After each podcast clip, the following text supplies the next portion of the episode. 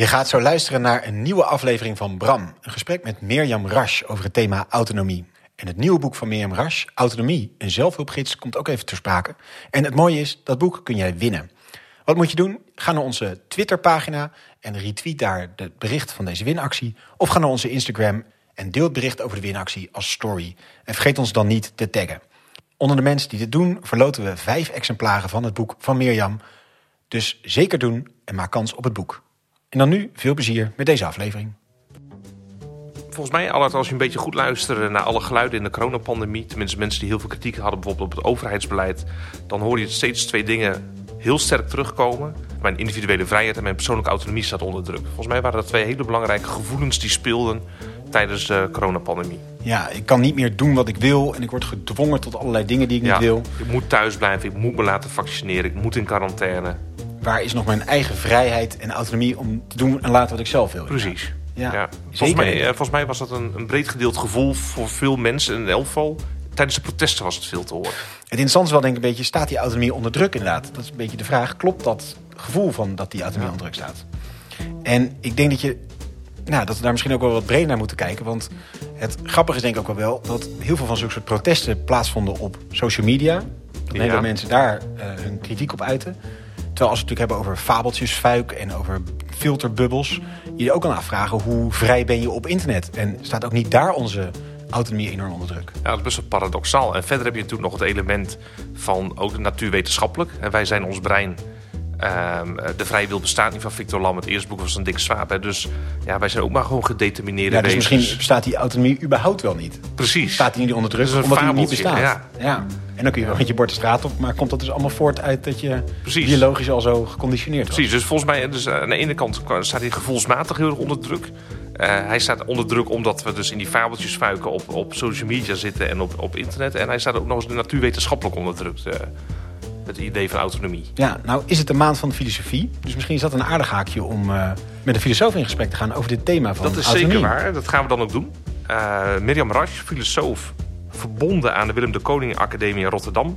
Ze heeft vorig jaar het, eh, de Socratesbeker gewonnen voor haar boek Frictie, Ethiek in tijden van dataïsme. En we spreken haar in, eh naar aanleiding van haar nieuwste boek, Autonomie en Zelfhulpgids.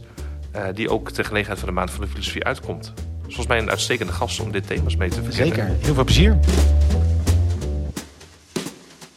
Dag Mirjam, mooi dat Hallo. je te gast bent in onze podcast.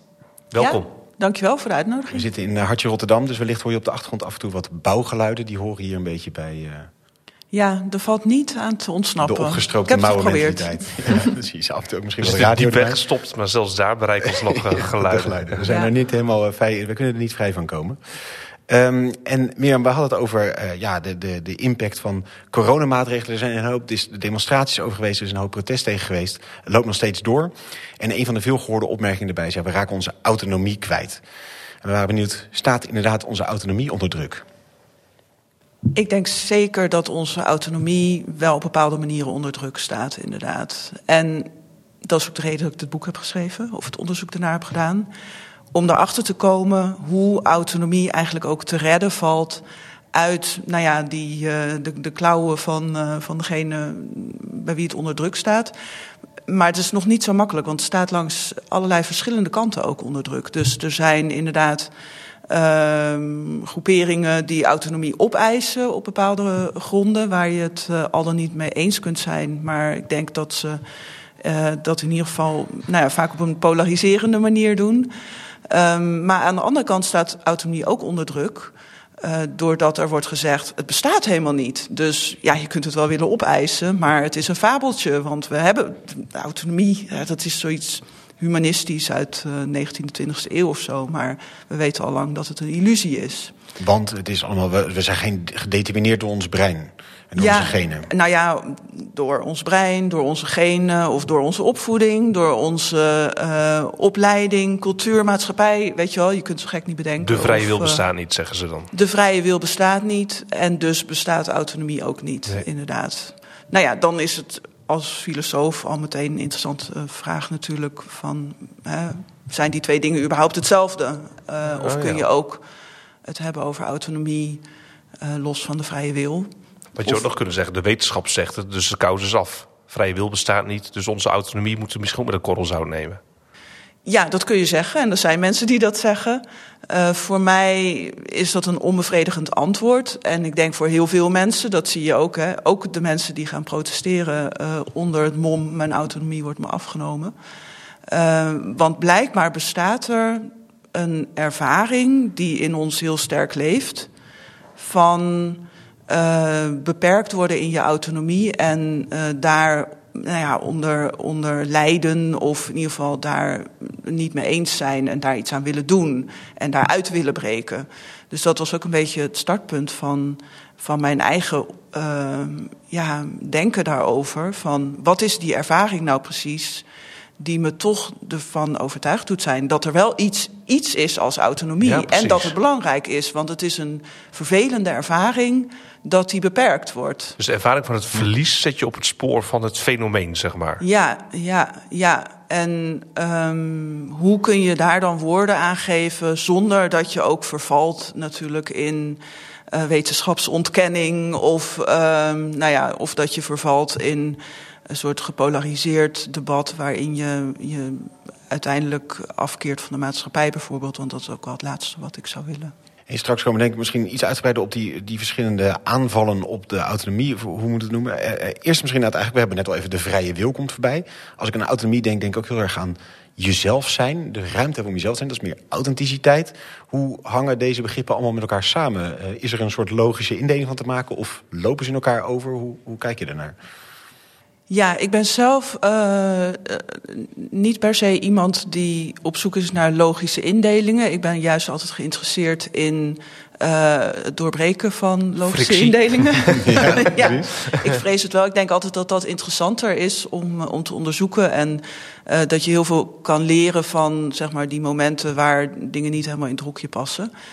Um, maar wat. Um, ja, wat opvallend is bijvoorbeeld van authenticiteit en autonomie, dus daar schrijf ik ook uh, kort over in het boek, um, is dat voor mij, nou daar komen we nog over te spreken, maar als je autonomie veel meer ziet als uh, een band die je aangaat met de wereld of he, een soort kracht of, of potentie die je hebt om um, vorm te geven aan de wereld, maar ook vorm gegeven te krijgen door de wereld, dus in een, in een relationele verhouding uh, daarmee te staan, dan, dan zie je meteen dat dat iets heel anders is dan authenticiteit, waarin je jezelf bent en dus dan weet wie je bent hè, en dat je daar uitdrukking aan geeft.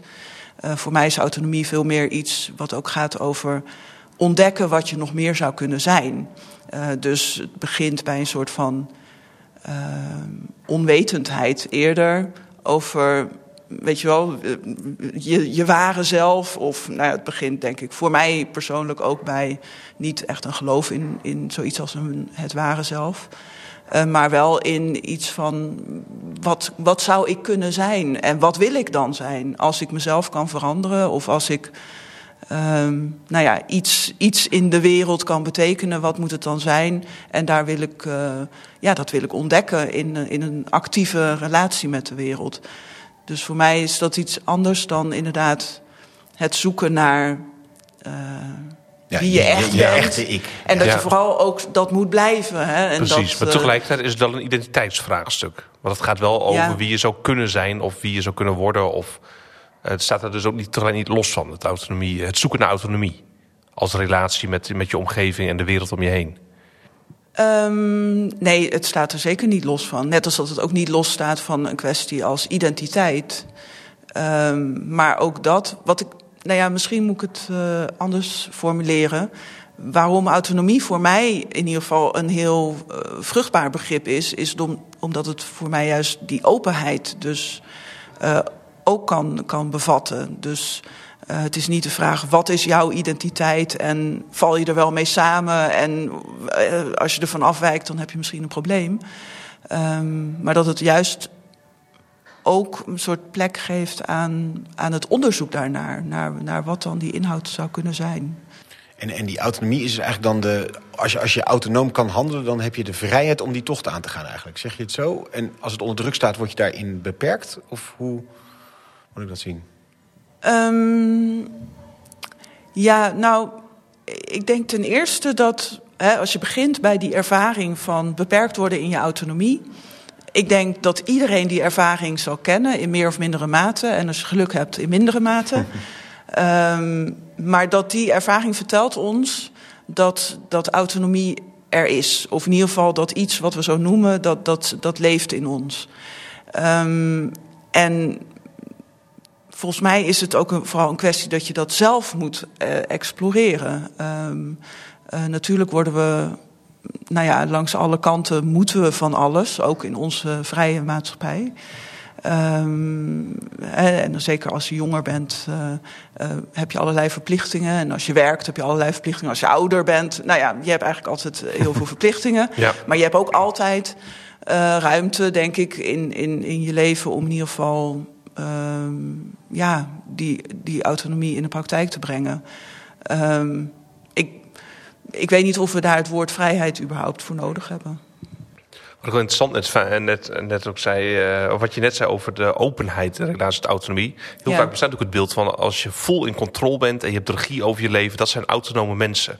Maar dus dat, dat is eigenlijk niet de kern waar het om gaat, zou je kunnen zeggen, bij autonomie. Dus het gaat niet om dat ik alleen maar in controle ben van mijn leven en mijn omgeving. Nee, voor mij niet. Uh, en nou ja, dat komt ook een beetje voort uit uh, het, het aloude denken van uh, de filosoof Kant, die natuurlijk voor uh, cultuur heel erg belangrijk is geweest in het nadenken over autonomie. En ik vertrek ook vanuit zijn werk om, om een soort hedendaagse invulling daaraan te kunnen geven. En nou ja, e-, eerlijk gezegd, als je terug, teruggaat naar Kant zelf, dan is het natuurlijk heel complex en ingewikkeld wat hij beschrijft. En dat, dat is een beetje uitgegroeid tot een karikatuur. Uh, waarin inderdaad wordt gedacht van autonomie betekent het afwerpen van alle externe factoren die ook maar wat voor kleine invloed op je zouden kunnen hebben. En zodra dat er is, dan ben je niet meer autonoom en dan moet, je, moet je worstelen om weer vrij te kunnen komen. Um, maar die tegenstelling tussen nou ja, wat hij noemt de heteronomie, dus dat wat van buitenaf op je inwerkt en wat je autonomie beperkt. En dat je eigenlijk zoveel mogelijk uh, die heteronome factoren uh, kwijt wil raken om echt je autonomie soort van tot, tot, tot grote hoogte te kunnen brengen. Het, het menselijke uh, ja, vermogen bij uitstek. Um, dat is denk ik niet meer iets nou ja, in ieder geval niet iets wat in de praktijk ons verder gaat helpen. Nee. Uh, en vandaar dat ik ook begin bij die eerste ervaring hè, van beperkt zijn in je autonomie. Het begint natuurlijk ook altijd bij de beperking. Dus weet je, je kunt niet jezelf denken zonder beperking. Al was het maar omdat je uh, geboren wordt. En, en, uh, als, Op een plaats en een tijd waar je niet ja, om gevraagd hebt. Hè, dus ja. al die dingen die worden aangehaald waarom onze autonomie uh, misschien wel niet bestaat. Of op zijn minst onder druk staat. Dus de genen, het brein en, en de tijd en de plaats en de maatschappij. Dat, dat is natuurlijk allemaal waar, weet je wel. Die hebben allemaal hele grote invloed op wie we zijn. En die beperken wat we kunnen doen.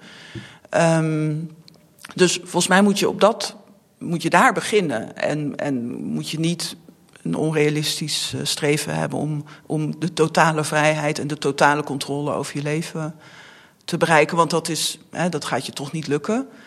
Uh, dus laten we beginnen bij het erkennen van beperkingen die, die er nu eenmaal zijn. Maar die met niet meteen hoeven te betekenen dat, dat je helemaal geen. Uh, uh, autonomie meer zou hebben. Maar dan moet je dus autonomie beginnen te denken in relatie tot beperkingen. Ja, want in die andere opvatting is het eigenlijk naar deze bedreigingen die je even zo snel opzomt van plaats en tijd. Uh, daar zou het idee zijn, daar moet je je aan ontworstelen om bij je. Ja, waarschijnlijk sneller kom je ook door het idee van de ware ik. Maar in ieder geval dat je dan vrij bent om te handelen. Dat je daar autonoom kan handelen. Als je dat, al die ballast hebt losgelaten. En je zegt, omdat dat een illusie is, moeten we naar een ander soort begrip daar eigenlijk van autonomie gaan. Of zeg je, het is ook een verkeerd begrip van autonomie? Of is het meer die zegt, ja, het is, in deze context kunnen we niet anders dan... Alle drie, denk okay. ik. Uh, maar ik, ik, uh, ik denk ook dat het een, uh, nou ja, verkeerd, verkeerd. Maar dat het in ieder geval een begrip is van autonomie, wat, wat mij betreft niet het meest um, vruchtbaar of um, ja, voor ons ja, hoe zeg je dat, uh, activerend kan zijn of zo. Dus als, als autonomie wordt gelijkgesteld, wat natuurlijk heel vaak gebeurt, met een soort van individualisme of, of zelfs egoïsme of hè, het, het veroveren van de wereld of de wereld naar je eigen hand zetten, je van niks aantrekken, uh, je niks laten wijsmaken. Um, ja, dat, dat, dat is een vrij harde uh, opvatting, denk ik, van autonomie. En als iedereen die zou navolgen, dan kom je in, nou, dan kom je in, in een soort maatschappij terecht vol allerlei uh, individualistische, egoïstische. Uh, nou, ja, ja, of sommige mensen zouden zeggen de maatschappij waarin we nu ja, zo onderhand leven. Ja. Um, ja, dat, ik vind het heel erg jammer als autonomie uh, daar, ja, daaraan wordt overgegeven, zou ik maar zeggen. En ik denk ook dat het overduidelijk is dat er wel iets moet veranderen in hoe we met elkaar samenleven. Als je kijkt naar polarisatie, maar ook als je kijkt naar uh, het klimaat of uh, de verwoesting van ecologieën en zo. Ja, dat komt niet allemaal door het autonomiebegrip van Kant. Maar weet je wat, komt wel, denk ik, in ieder geval voor een groot deel voort uit een soort idee dat, dat wij uh, heer en meester zijn over de wereld en de wereld zo kunnen vormgeven als waar we zelf zin in hebben en dat we ons van niemand anders iets aantrekken. Ja. Ja. Um, maar enerzijds zeggen ze eigenlijk die autonomie is een potentieel soort vernietigende kracht, omdat we het onszelf als uh, enkel middelpunt van de wereld zien. En aan de andere kant zeg je eigenlijk op een hele plekken wordt die bedreigd, die autonomie. Of staat die onder druk, of is die eigenlijk misschien dus ook helemaal niet reëel dat je zo vrij in kan handelen. Dat is eigenlijk een gekke combinatie. Dus we, we, we overschatten onze eigen autonomie. En we onderschatten hem. Ja. Ja. Dus we kunnen veel meer verwoesting of vrijheid en, en we staan vaak veel meer onder druk. Ja. Ja, dan ja. komen we bij de paradoxen. Ja, dan komen we bij de paradoxen, inderdaad. Ik, uh, ja, ik vond het ook misschien wel het meest verwarrende onderwerp waar ik ooit uh, zelf mee bezig ben geweest. Ja. Omdat, uh, ja, omdat je constant tegen paradoxen aanloopt, inderdaad. Je hebt het en je hebt het niet. Maar ook hè, bijvoorbeeld in de digitale omgeving. nou ja, toch waar ik ook het meest mee bezig ben geweest in mijn vorige werk. Dus hoe, hoe kun je autonomie denken in, in relatie tot digitale technologie. Ook daar is het heel duidelijk. Aan de ene kant wordt ervan uitgegaan dat je eigenlijk nauwelijks autonoom bent als internetgebruiker, om maar zo te zeggen. En aan de andere kant wordt je het aangesproken als autonoom internetgebruiker. Uh, die twee dingen gaan de hele tijd tegelijkertijd op. Um, net als dat je, nou ja, de andere kant van het spectrum is denk ik dat hele filosofische vraagstuk van je wordt geboren in, in een enorm heteronome situatie en toch weet je ergens van binnen, of gaan we ervan uit, ga ik er maar vanuit, andere mensen dat ook ervaren, dat daar iets van vrijheid uh, in zit, in dat, in dat lijf. Ja, hoe kan dat tegelijkertijd bestaan? Ja, ja dat, is, dat is de paradox van. Ik moet zelf wel eens denken aan een, uh, dat is misschien gek voorbeeld, maar aan een enorme kathedraal. Als je daar binnen stapt, dan heb je een beperkte ruimte. Toch ervaren het als een enorme ruimte. Terwijl als je buiten staat, ben je in een veel grotere ruimte. Maar heb je nooit het idee van, wauw, het staat in een enorme ruimte. En dus net of pas als je die begrenzing binnenstapt van een kathedraal bijvoorbeeld. denk ja, van, jemig, wat is dit een grote ruimte. Terwijl het heelal is groter. Dus als ja. ik gewoon naar de sterren kijk, bevind ik me in een grotere ruimte, zeg maar. En toch heb ik dan die ervaring minder dan vanuit die beperking van, van de muren van een kathedraal, zeg maar. Ja. Een mooi beeld, maar hoe koppelt hij nu aan autonomie? Nou, dat, dat, de paradox van... Dus dat is een mooi beeld, dus, ja, dus je hebt uh, al die heterome factoren. En ondanks dat weet je, voel je ergens aan dat vrijheid is. Dus in, in die hele begrenzing Ja, er zit ruimte van, in die begrenzing. Ja, er zit ruimte in die begrenzing, ja. En die ervaren misschien ook wel juist in die begrenzing. Dus je zegt van, oh ja, ik leer mijn grenzen kennen... en daardoor ook mijn eigen vrijheid binnen Ja. die grenzen ontdekken. Ja, terwijl ik zou dan. Nou, nu zijn we even gewoon een beetje vrijelijk aan het uh, associëren. Maar. Excuus. Uh, nee, ik hou ervan. Ik hou ervan. Want ik vind juist. Uh, die ervaring, die volgens mij ook de meeste mensen wel een keer hebben gehad. Als je echt gaat beseffen dat je een nietig mensje bent op een planeet in een onmetelijk heelal. Ja. Hè, dat, oh, ik krijg nu al bijna kipvel als Ja, ik ja, aan ja. denk. Weet je wel, ook die ervaring is heel paradoxaal als je dan tegelijkertijd weet dat je leven toch belangrijk is. Ja, Hè? Of, ja, of misschien, doet, ja. eh, eh, misschien geen zin heeft, maar dat jij er wel zin aan eh, wil geven. Ja. Dus Dat is ook ook zo'n dat. Kantiaanse uitspraak. Van de, niets Ja. verbaast me zo hoog als de hoogte van de hemel en de diepte van de menselijke ziel. Of iets ik van zo'n En soort. de morele, de morele wet eh, in de mens. Ja, Ja. Dus het gaat Ja. ook mee over die introspectie Ja. en, en die eh, dat toch eh buitenkathedrale eh, on- ontmoeting met het heelal. Ja. Ja, ja, ja.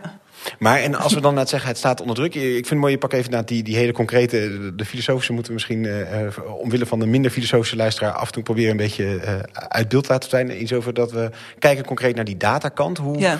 eh, hoe kunnen we nou die zegt naar autonome gebruikers en niet-autonome gebruikers? Want enerzijds worden we heel erg gestuurd op internet in welk gedrag we moeten doen. En daarnaast wordt er van ons gevraagd om heel rationeel en autonoom te handelen. Kun je daar voorbeelden bij geven hoe dit werkt in de, de digitale wereld? Ja, nou, waar ik zelf eh, ehm, al een hele tijd mee bezig ben, is. Ik ben erg geïnteresseerd ook in een soort van de retoriek van eh, de digitale technologie en de sociale media platformen en zo. Dus voor mij eh, zijn van die headlines die, die, eh, die de afgelopen jaren wel vaker zijn eh, langsgekomen. maar ook bijvoorbeeld in een documentaire als The Social Dilemma. Netflix te op zien, Netflix ja. te zien en door heel veel mensen is bekeken. Ehm, waarin wordt gezegd: deze sociale media platformen eh, weten meer over je dan wie dan ook. eh, hè, dan je beste vriend, dan je eigen moeder of zelfs dan jezelf. Dan de huisarts. Dan de huisarts. nou ja, ik Maar weet goed, niet dat je hoeveel- zelf vind ik nog net iets confronterender. Zo vaak zie ik weet niet hoeveel niet. inderdaad mijn huisarts van me weet. Maar aan de andere kant, ja, als je alle medische informatie op een hoop gooit, eh, dan kom je ook best een Ja, maar denk, eind. mensen zoeken natuurlijk veel naar medische informatie op Google. Ja, dus de huisarts nog Ja. meer van je weet. Ja, Ja. Ja, ja, ja, dus ze weten meer over je medische situatie wanneer jij dan je hoofdpijn huisarts. hebt. Maar meer over jezelf is natuurlijk nog het meest interessant. Nou, dat je Ja. dus eigenlijk naar een soort eh, buitenperspectief op jezelf is door allerlei kennis over jou te vergaren. En dat ze daardoor een soort doorsnee kunnen maken van wie je bent. Ja, en de implicatie is natuurlijk, eh, omdat zij meer van jou weten, eh, weten zij ook beter wat jij zou moeten doen of willen of kiezen of stemmen. Hè? Dus de implicatie van al die kennis die in, in data over je wordt verzameld en opgeslagen en geanalyseerd, is ehm, dat eigenlijk je autonomie wordt afgenomen. Of dat je, dat je er maar beter aan zou doen om afstand te doen van je, van je autonome keuze.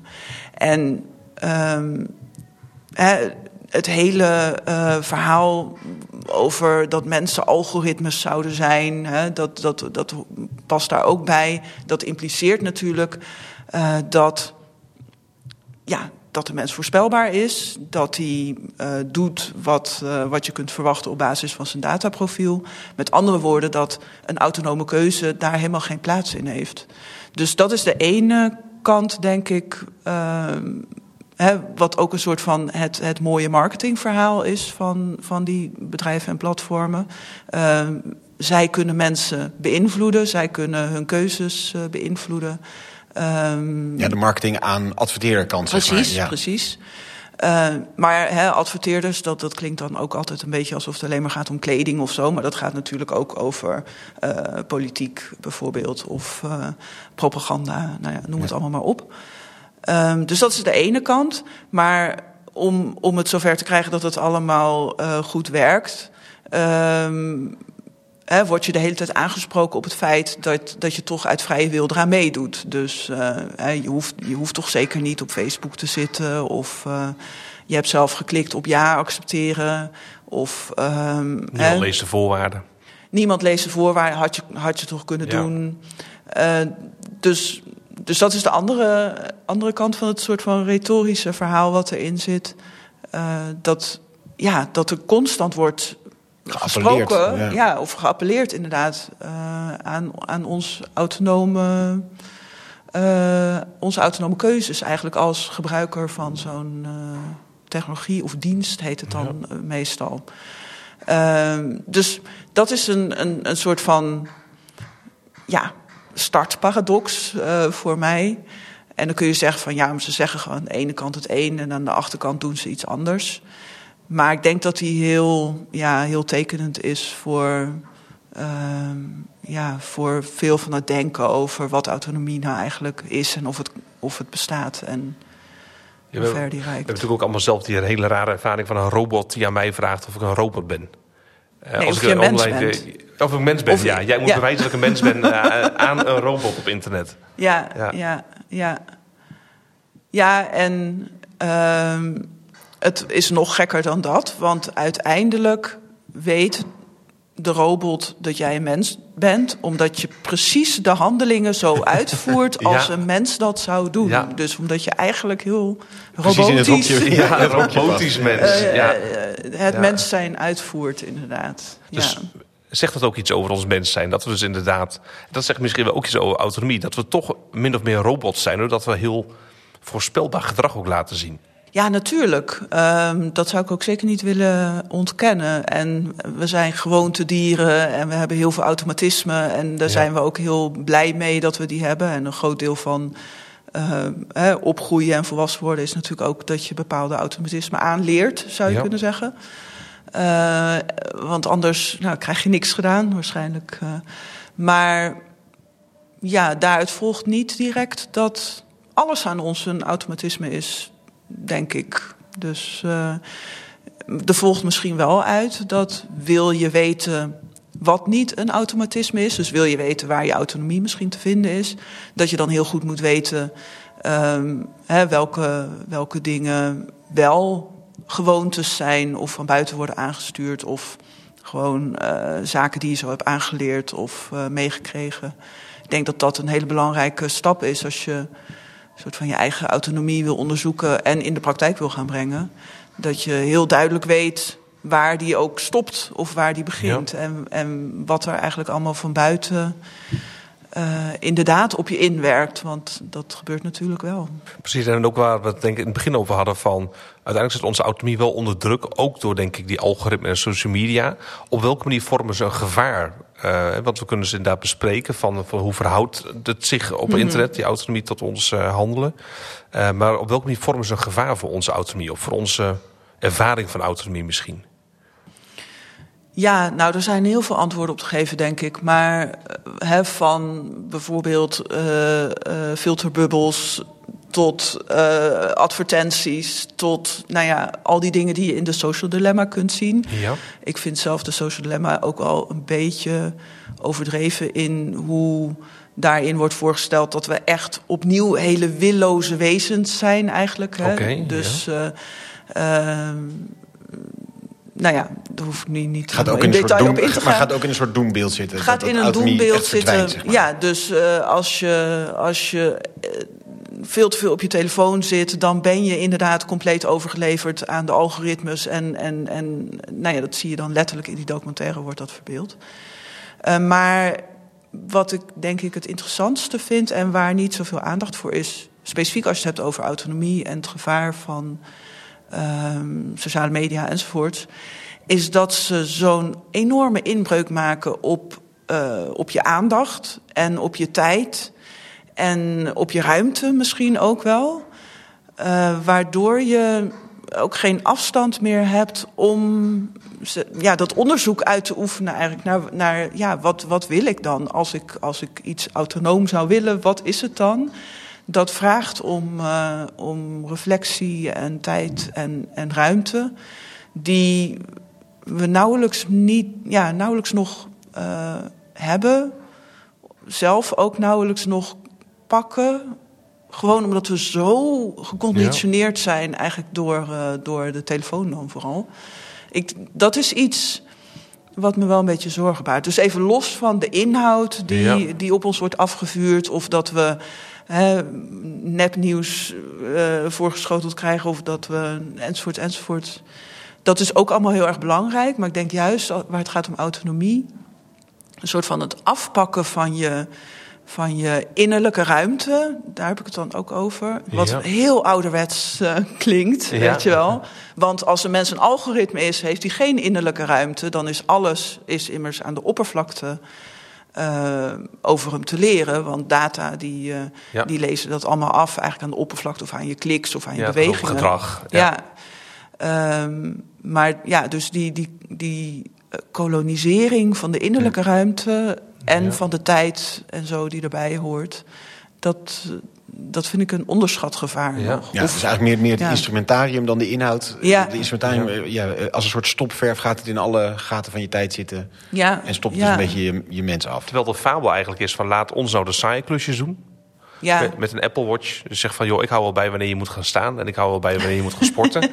Eh, heeft het dus niet dat effect dat je zegt van... eh, eh, Apple lost voor mij de routinematige dingen op... en daardoor hou ik tijd voor mijn eigen geestelijke hygiëne, zeg maar. Nee, maar dat was natuurlijk ook altijd eh, de belofte van, van alle technologische vooruitgang, denk ik. Hè? De, eh, eh, fabrieken en machines die zouden ons dan eh, een, een eh, hele korte werkweek geven. En dan zouden we vrije tijd hebben waarin we allemaal, Ja. ja, eh, weet ik veel, culturele activiteiten. Maar daar is ook niemand in geïnteresseerd tegenwoordig Nee. om ons vrij te Nee, maken we, om zijn culturele onze mailbox aan het, we zijn onze mailbox aan het legen, zeg maar. Want dat was ook zo makkelijk. Dan hoef je niet meer met Ja. een postduif post op te sturen. Ja, en het resultaat is dat er gewoon honderdduizend keer meer gecommuniceerd wordt. Dus Ja. ja, ja. Ja die belofte is, is denk ik niet per se iets nieuws. Maar het nieuwe is natuurlijk wel dat het 24 uur per dag doorgaat. Ja. Dus eh, ja, je hebt nooit meer de tijd om, eh, om even letterlijk eh, en figuurlijk uit te loggen. Ja. Ja. En, en hoe kijk je naar de, een van die andere bedreigers? Inderdaad, wat je zei, de gewoon politieke constellatie kan het ook zijn. Of druk. eh, legt de overheid in toenemende mate een klem op onze autonomie? Worden we daarin in belemmerd? Of eh, dat, dat is natuurlijk bij het idee wel wat de overheid in ieder geval qua omvang toegenomen is sinds week veel de tijd van kant, zeg maar. Toen was de overheid in ieder geval een stuk minder zichtbaar in je dagelijks leven. Zou je kunnen zeggen, daarmee neemt ook onze autonomie in zekere zin af? Of is dat een beetje in lijn met nou, de social media? Neemt het ons vooral dingen uit handen? Ik bedoel, het is ook wel fijn dat we nu veilig door heel Europa kunnen reizen. In ieder geval ons deel van Europa tot nu toe. Eh terwijl het in de tijd van kant ook een stuk eh, eh, moeizamer ging. Ja, ja, ik ben altijd een beetje ehm, huiverig voor eh, idealisering van het verleden, laat ik het zo noemen. Dat komt denk ik ook door het simpele feit dat ik een vrouw ben. En dat ik dus het eerste wat ik denk, Ja. eh, als ik denk aan autonomie in de tijd van Kant, was dat hoe universeel hij het ook voorstelde, ik zeg maar daar geen deel van uitmaakte. Nee. Dus eh, En ook niet witte mensen, ook niet. Dus Nee, was, ja. precies. Dus, dus het was sowieso niet. eh, het was geen, geen, geen universeel principe in de praktijk. Ehm, en dan denk ik altijd van ja, ja, dat was de tijd van Kant. Dat is eh, meer dan twee eeuwen geleden. Maar zelfs eh, de generatie van mijn moeder of van mijn grootmoeder al helemaal. Ja, voor mij is het overduidelijk dat er toen minder autonomie Ja. was. Eh, in ieder geval voor een groot gedeelte van, eh, van de bevolking. kon je Dus- ook een hypotheek krijgen tot, tot een, paar jaar, of een paar jaar geleden. Dat is gechargeerd, maar tot, tot Als eh, vrouw. vrij als vrouw. Ja. Ja, ja, of Een beetje eh, ontslagen als je, eh, als je eh, ging trouwen. ja. ja. Dus, eh, maar ook als je bijvoorbeeld kijkt naar medische ontwikkelingen. Dus, eh, ehm, nou ja, natuurlijk specifiek ook bijvoorbeeld eh, op het gebied van voortplanting. Maar überhaupt eh, de vooruitgang van de medische wetenschap heeft denk ik heel veel autonomie gegeven aan mensen die dat voorheen niet hadden. Gewoon omdat je nu met allerlei ziektes eh, een prima leven kunt leiden. Of misschien hè, met enige beperkingen. Maar waar je voorheen het niet eens overleefde. Of, eh, En technologie denk ik ook wel. Als ik aan mijn grootmoeder En denk, denk ik wel ook, dat, ja. met zeven kinderen de hand was. Alle, alle eh, was met de hand doen. Dan had Ja. je ook je weet je innerlijke ruimte ook wel wat eh, ja, ingeperkt. Ja, of heb je heel veel kon tijd veel nadenken, Ja, kunnen. nee, maar hè, dus ik denk dat we heel erg moeten oppassen Ja. voor. En eh, het is interessant, want Kant schrijft eh, ook een soort van eh, lofzang op, op, op de heerser waar hij onder leefde, die, die juist ruimte gaf, inderdaad, aan. aan, aan eigen gedachten en zo. Maar over het algemeen is natuurlijk de macht in, in de eh, 18e eeuw niet per se eh, gediend van, van evenveel vrije meningsuiting of vrije meningsvorming als dat wij nu hebben. Dus ik denk dat we heel. Ik ben in ieder geval heel blij dat ik in deze tijd leef. Ja. Ehm, en ik ben ook blij dat ik in een tijd leef van eh, digitale technologie trouwens. Want eh, hè, voor mij is het ook overduidelijk dat, dat die ons heel veel meer, nou ja, misschien niet per se autonomie heeft gegeven, maar wel manieren van expressie en zo. En Ja. dat heeft ook. En nou er zijn ja, de mogelijkheden toegenomen. ja, en dat heeft wel schaduwzijde in eh, dat er ook heel veel polarisatie is gekomen. En dat er hele lelijke verdienmodellen zijn die daarop gebaseerd zijn. Maar ja, eh, we kunnen wel allemaal van ons laten horen. Dus Ja, Als bij elkaar genomen is dat zeker positief. En ik wilde ook geen zin een uh, land spreken om terug te keren naar de 1800s. Maar um, waar ik wel benieuwd was, maar waar we ook een beetje begonnen met de demonstraties over toenemende overheidsbemoeienis ten aanzien van corona. daar was natuurlijk wel de kritiek van ja, we worden in onze leefruimte beperkt en daarmee eindigt onze autonomie. Dus daar is een hele directe koppeling tussen overheidshandelen en vrijheidsbeperkende maatregelen en autonomie. Vind je dat een logische link tussen die onderwerpen? Los van wat je inhoudelijk misschien van maatregelen vindt, maar van, is dat een, een, een logische koppeling tussen die? Ja. ja. Ik vind dat zeker een logische koppeling, ja. Ik bedoel, die dingen hebben met elkaar te maken. Um, en ik denk dat het ook heel belangrijk is om dat gesprek daarover te voeren. Um, het is jammer dat het gesprek niet altijd op redelijke argumenten is gevoerd. En dat gaat op voor, denk ik, uh, zo'n beetje alle, alle partijen in het verhaal. Ook hè, vanuit de overheid bijvoorbeeld. Um, maar ik denk dat die, ja, natuurlijk denk je aan, aan je autonomie en je vrijheid als. Uh, als je bijvoorbeeld een QR-code moet laten zien om ergens binnen te komen. Dat is niet een onredelijke of of rare koppeling. De vraag is hoe je daar vervolgens mee omgaat en wat je daar, ja, hoe je dat waardeert in de zin van wat voor waarde je daar aanhangt en hoe je jezelf daartoe wenst te verhouden. En ik denk dat daar zie je ook, nou ja, wat ik net zei van we hebben geen tijd en ruimte meer en geen innerlijke ruimte om, om überhaupt na te denken over wat we dan met onze autonomie aan zouden willen. Um, en dat je dat juist op, op zo'n heel precair onderwerp ook ziet gebeuren. Dat zeg maar, de meningen worden al direct ingevuld. En je, jij hebt heet het, je telefoon in de hand, bij wijze van spreken, waar, waarop de meningen aan je worden voorgeschoten. En je hebt er een paar waar je uit kunt kiezen. Maar echt een soort van de stap terugnemen. En uh, ook met elkaar in gesprek gaan daarover.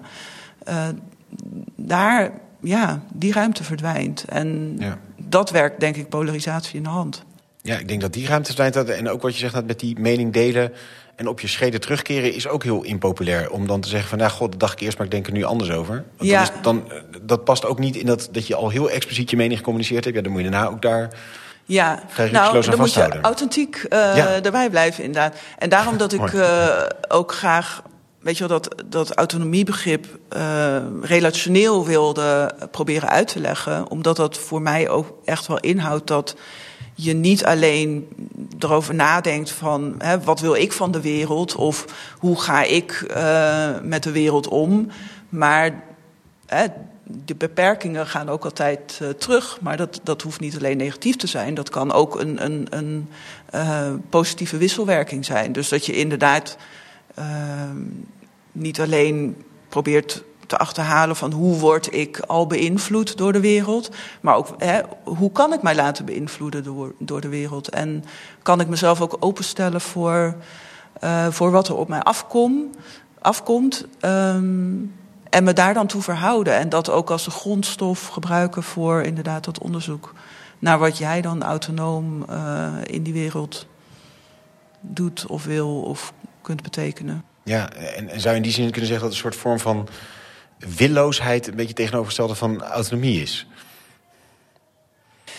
dat, dat, klinkt een beetje dat je, hè, je laat het over je heen spoelen en, en ja, het overkomt je. Je, je. je kunt er niet uh, zelf in, in uh, geen enkele manier in scheiden, zeg maar.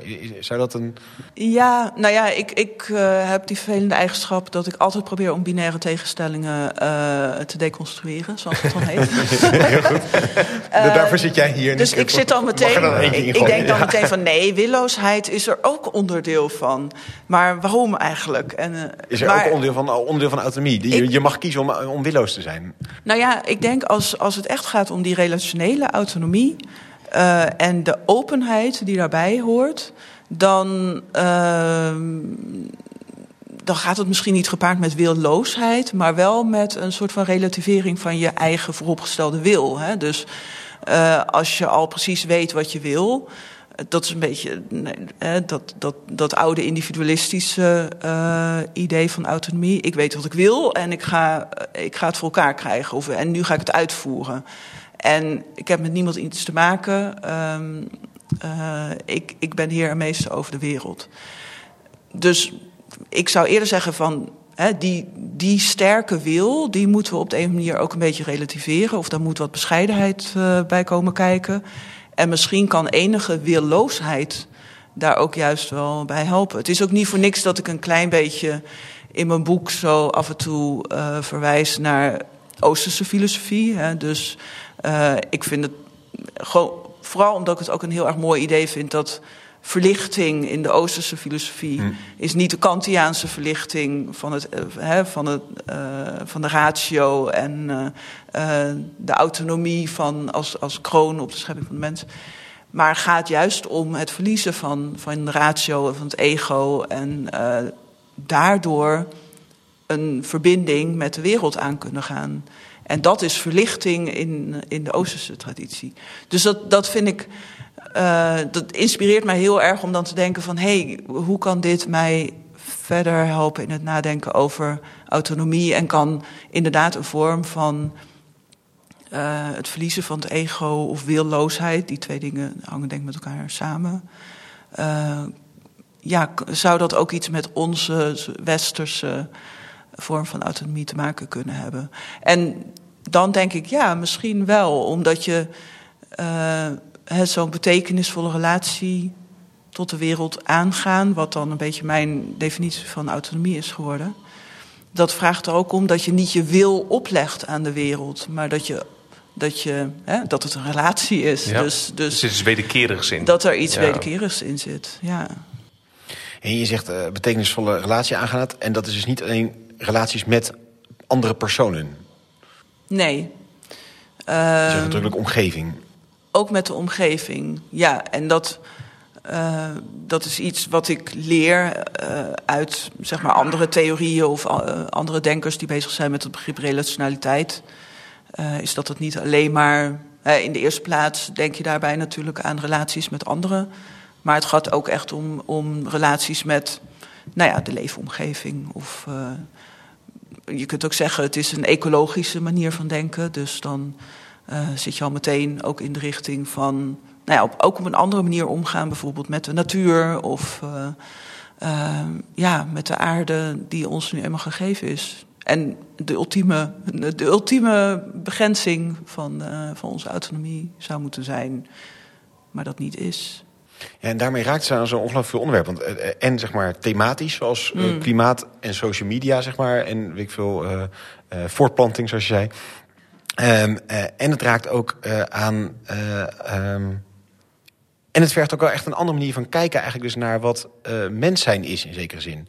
Dus dat je zegt van dat hele verhaal van de individualistische mens moet ergens ook op een andere manier neergezet worden. Daarmee is het ook gigantisch groot, zeg maar. Het is meer dan een ja. Het is echt een soort, soort uh, gedachteverandering die we in moeten zetten. Een ander paradigma waar je in moet. Ja, ja, en ik probeer het dan toch vrij klein te houden. um, en dat is ook omdat... Hè, ik heb een, het boek geschreven, Autonomie, een zelfhulpgids. En dat is natuurlijk ook een beetje met een knipoog... want het is niet echt zelfhulp, zelfhulp. Maar het is toch wel bedoeld als...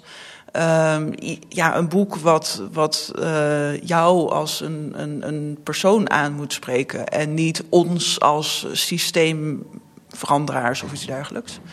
Um, dus voor mij is dat ook wel het interessante van autonomie. Het raakt inderdaad aan, aan al die grote onderwerpen. En het is daarvoor belangrijk om daarover na te denken. Maar uiteindelijk begint het bij die ervaring van, van jezelf en van mijzelf. En hoe je die op een andere manier kunt doordenken. Dus het, ja, ik, ik, ik heb wel echt geschreven ook voor. Uh, toch voor het individu. Ja, ja. ja. ja dat is ook de, de, de, niet anders te doen, denk ik, in deze, deze tijd, zeker. Uh, maar uiteindelijk ook omdat daar het begin zit ergens. Da daar moet iets gebeuren. Ja, ja en um, nou, wat ik als, waar we mee begonnen van autonomie staat langs heel veel verschillende kanten onder druk. Uh, het wetenschappelijke wereldbeeld, uh, de algoritmes. Uh, maar het staat volgens mij ook wel onder druk, precies door zeg maar, het echte systeemdenken. Dat we, nou ja, dat we zo gevormd zijn door onze tijd of onze maatschappelijke tradities enzovoort. wat mij ook altijd een beetje um, ja, benauwd. Bijna letterlijk. Hè? Ja. Ehm, dus kunnen we die balans een beetje terugbrengen zonder nog weer helemaal door te schieten in, in het egoïstische. Ik wil niks met de maatschappij te maken hebben. Uh, dat is een beetje wat ik heb geprobeerd. Ja, interessant. Eh, bij ons wetenschappelijk instituut zit zo'n onderzoekslijn dat we zeggen van de, de systeemwereld koloniseert de leefwereld, zeg maar. Habermas is dat, ja. Is dat, ja, precies. Ja, sorry hoor. Nee, voordat het WI zelf denkt dat ze dat hebben bedacht. Dan, uh... gun ons dat nou. Ja, sorry. Neem het terug. Vervelend dat je ook die podcast filosofie opneemt. Ja, dat we dit soort dingen uh, geen kans maken. Um, maar dat zou, dat zou een, een soort programma kunnen zijn wat hieruit ontstaat. Dat je zegt van het gaat dus niet zozeer om een hele systeemverandering, maar wel dat we zeggen van pas op met dat systeemdenken, dat we dat niet heilig verklaren en in alle facetten van het leven doorvoeren, zeg maar. Ja, sowieso uh, liever niks heilig verklaren. Maar dat is een beetje ja. uh, als je het hebt over uh, nou ja, dit soort onderwerpen. We moeten het individu natuurlijk ook niet heilig verklaren. Nee. Dus ehm, dan kom je in allerlei problemen waar we nu middenin zitten, denk ja. ik. Ik bedoel, eerlijk gezegd denk ik dat we meer te lijden hebben onder een soort doorgeschoten individualisme dan onder een doorgeschoten systeemdenken. Um, maar als, als dan vervolgens inderdaad het andere heilig wordt verklaard, dan, dan heb, je, heb je het gevaar dat je weer doorschiet. En in plaats van dan te zeggen van ja, we moeten ergens in het midden zitten, is het toch interessanter om te. Hè, dat midden, dat moet ook een, een, een smoel krijgen. Dus um, het is interessanter om dan te denken van hoe kun je er echt een andere ja, een andere visie of zo op zo'n begrip autonomie bijvoorbeeld uh, ontwikkelen. In plaats van dat je zegt van ja, je moet een beetje aan jezelf ja. denken en een beetje aan het systeem. Nee, laat, probeer, laten we proberen om dat. Ja, het midden wordt niet door de extreme bepaald, maar het kan ook gewoon een eigen heel ja. helder gedefinieerde koers zijn. Daar. Ja, ja. Hey, en zelfhulpboeken, uh, voor, voor de luisteraar, wat, wat, wat, wat zouden de eerste tips zijn die je zegt? De innerlijke ruimte? Straks de telefoon waarmee je dit luistert, uh, even wegleggen? Of wat, is een. Uh... Nou ja, ik denk dat dat sowieso een hele goede tip is. Ook wel uh, natuurlijk best wel moeilijk. Maar het is grappig bijvoorbeeld in uh, de Social Dilemma, die, die documentaire. Dan zeggen, zeggen ze ook allemaal op het eind. Al die bobo's van de sociale media zeggen allemaal. zet je notificaties uit. zet je notificaties uit, herhalen ze dan allemaal. Um, dus ja, uh, en ik denk dan van nou, eigenlijk moeten we de telefoon helemaal wegleggen, maar dat zullen ze niet zeggen. Of uh, advertentieblokkers installeren en zo. Er zijn best wel veel dingen die je in je digitale dieet kunt aanpassen. Um, ik denk ook iets anders wat al ter sprake is gekomen, zeg maar onder ogen zien, waardoor je wel beïnvloed wordt. Uh, en heel veel daarvan is natuurlijk misschien ook sociale media. Dus dat zie je ook groeperingen of mensen die, die heel hard roepen: uh, mijn autonomie is belangrijk en het wordt van me afgepakt. Uh, ja, waar, waar komen die opvattingen eigenlijk vandaan? Die komen, die komen over het algemeen ook ergens vandaan. Uh, dus ik denk dat dat iets heel belangrijk, uh, een belangrijke tip is. En ook natuurlijk best wel ingewikkeld om dat uh, te onderkennen.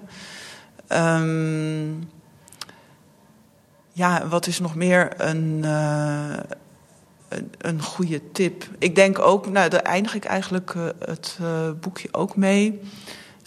Um, dat je ook hè, die drang naar authenticiteit kunt proberen los te laten. Dus dat je niet ook moeilijk. Het is allemaal moeilijk, sorry.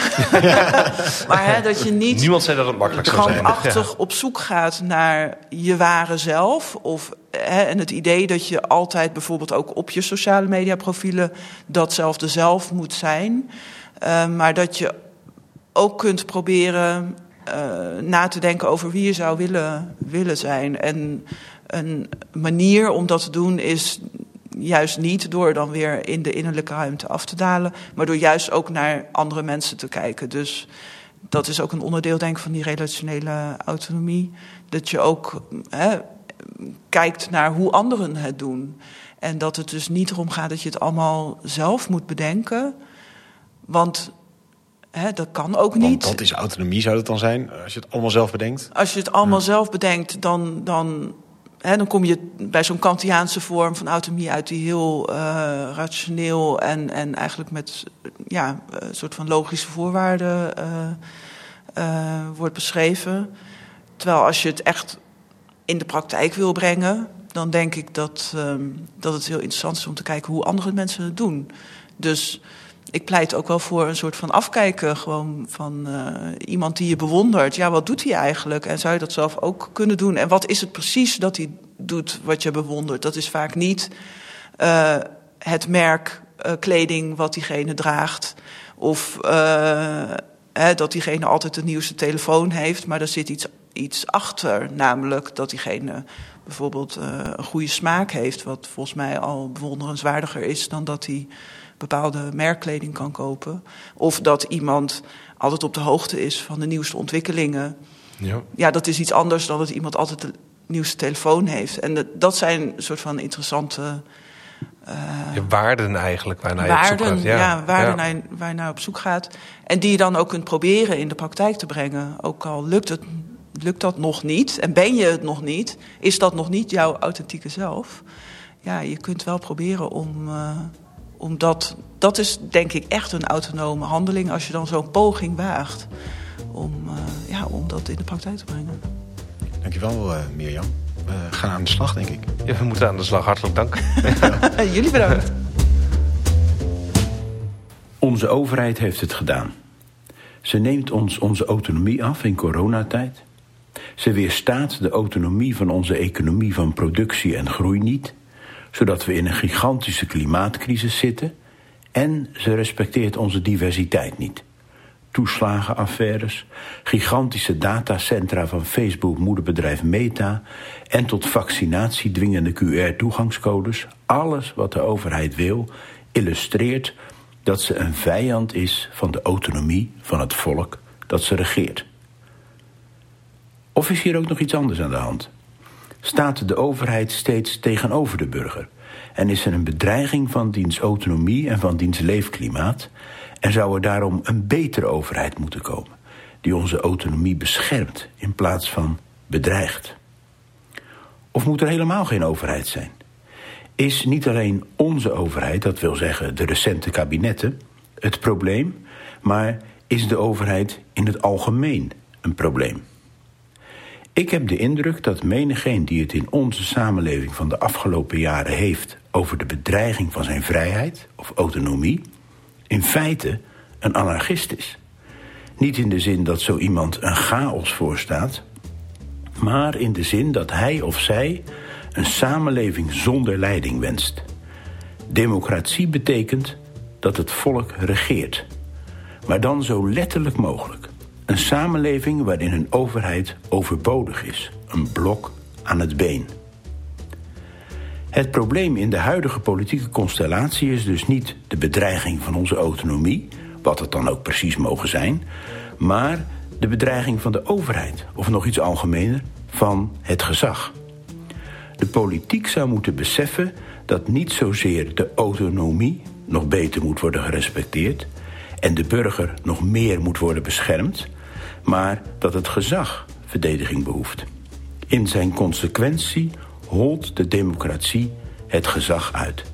Er is geen politieke partij die daar een punt van maakt.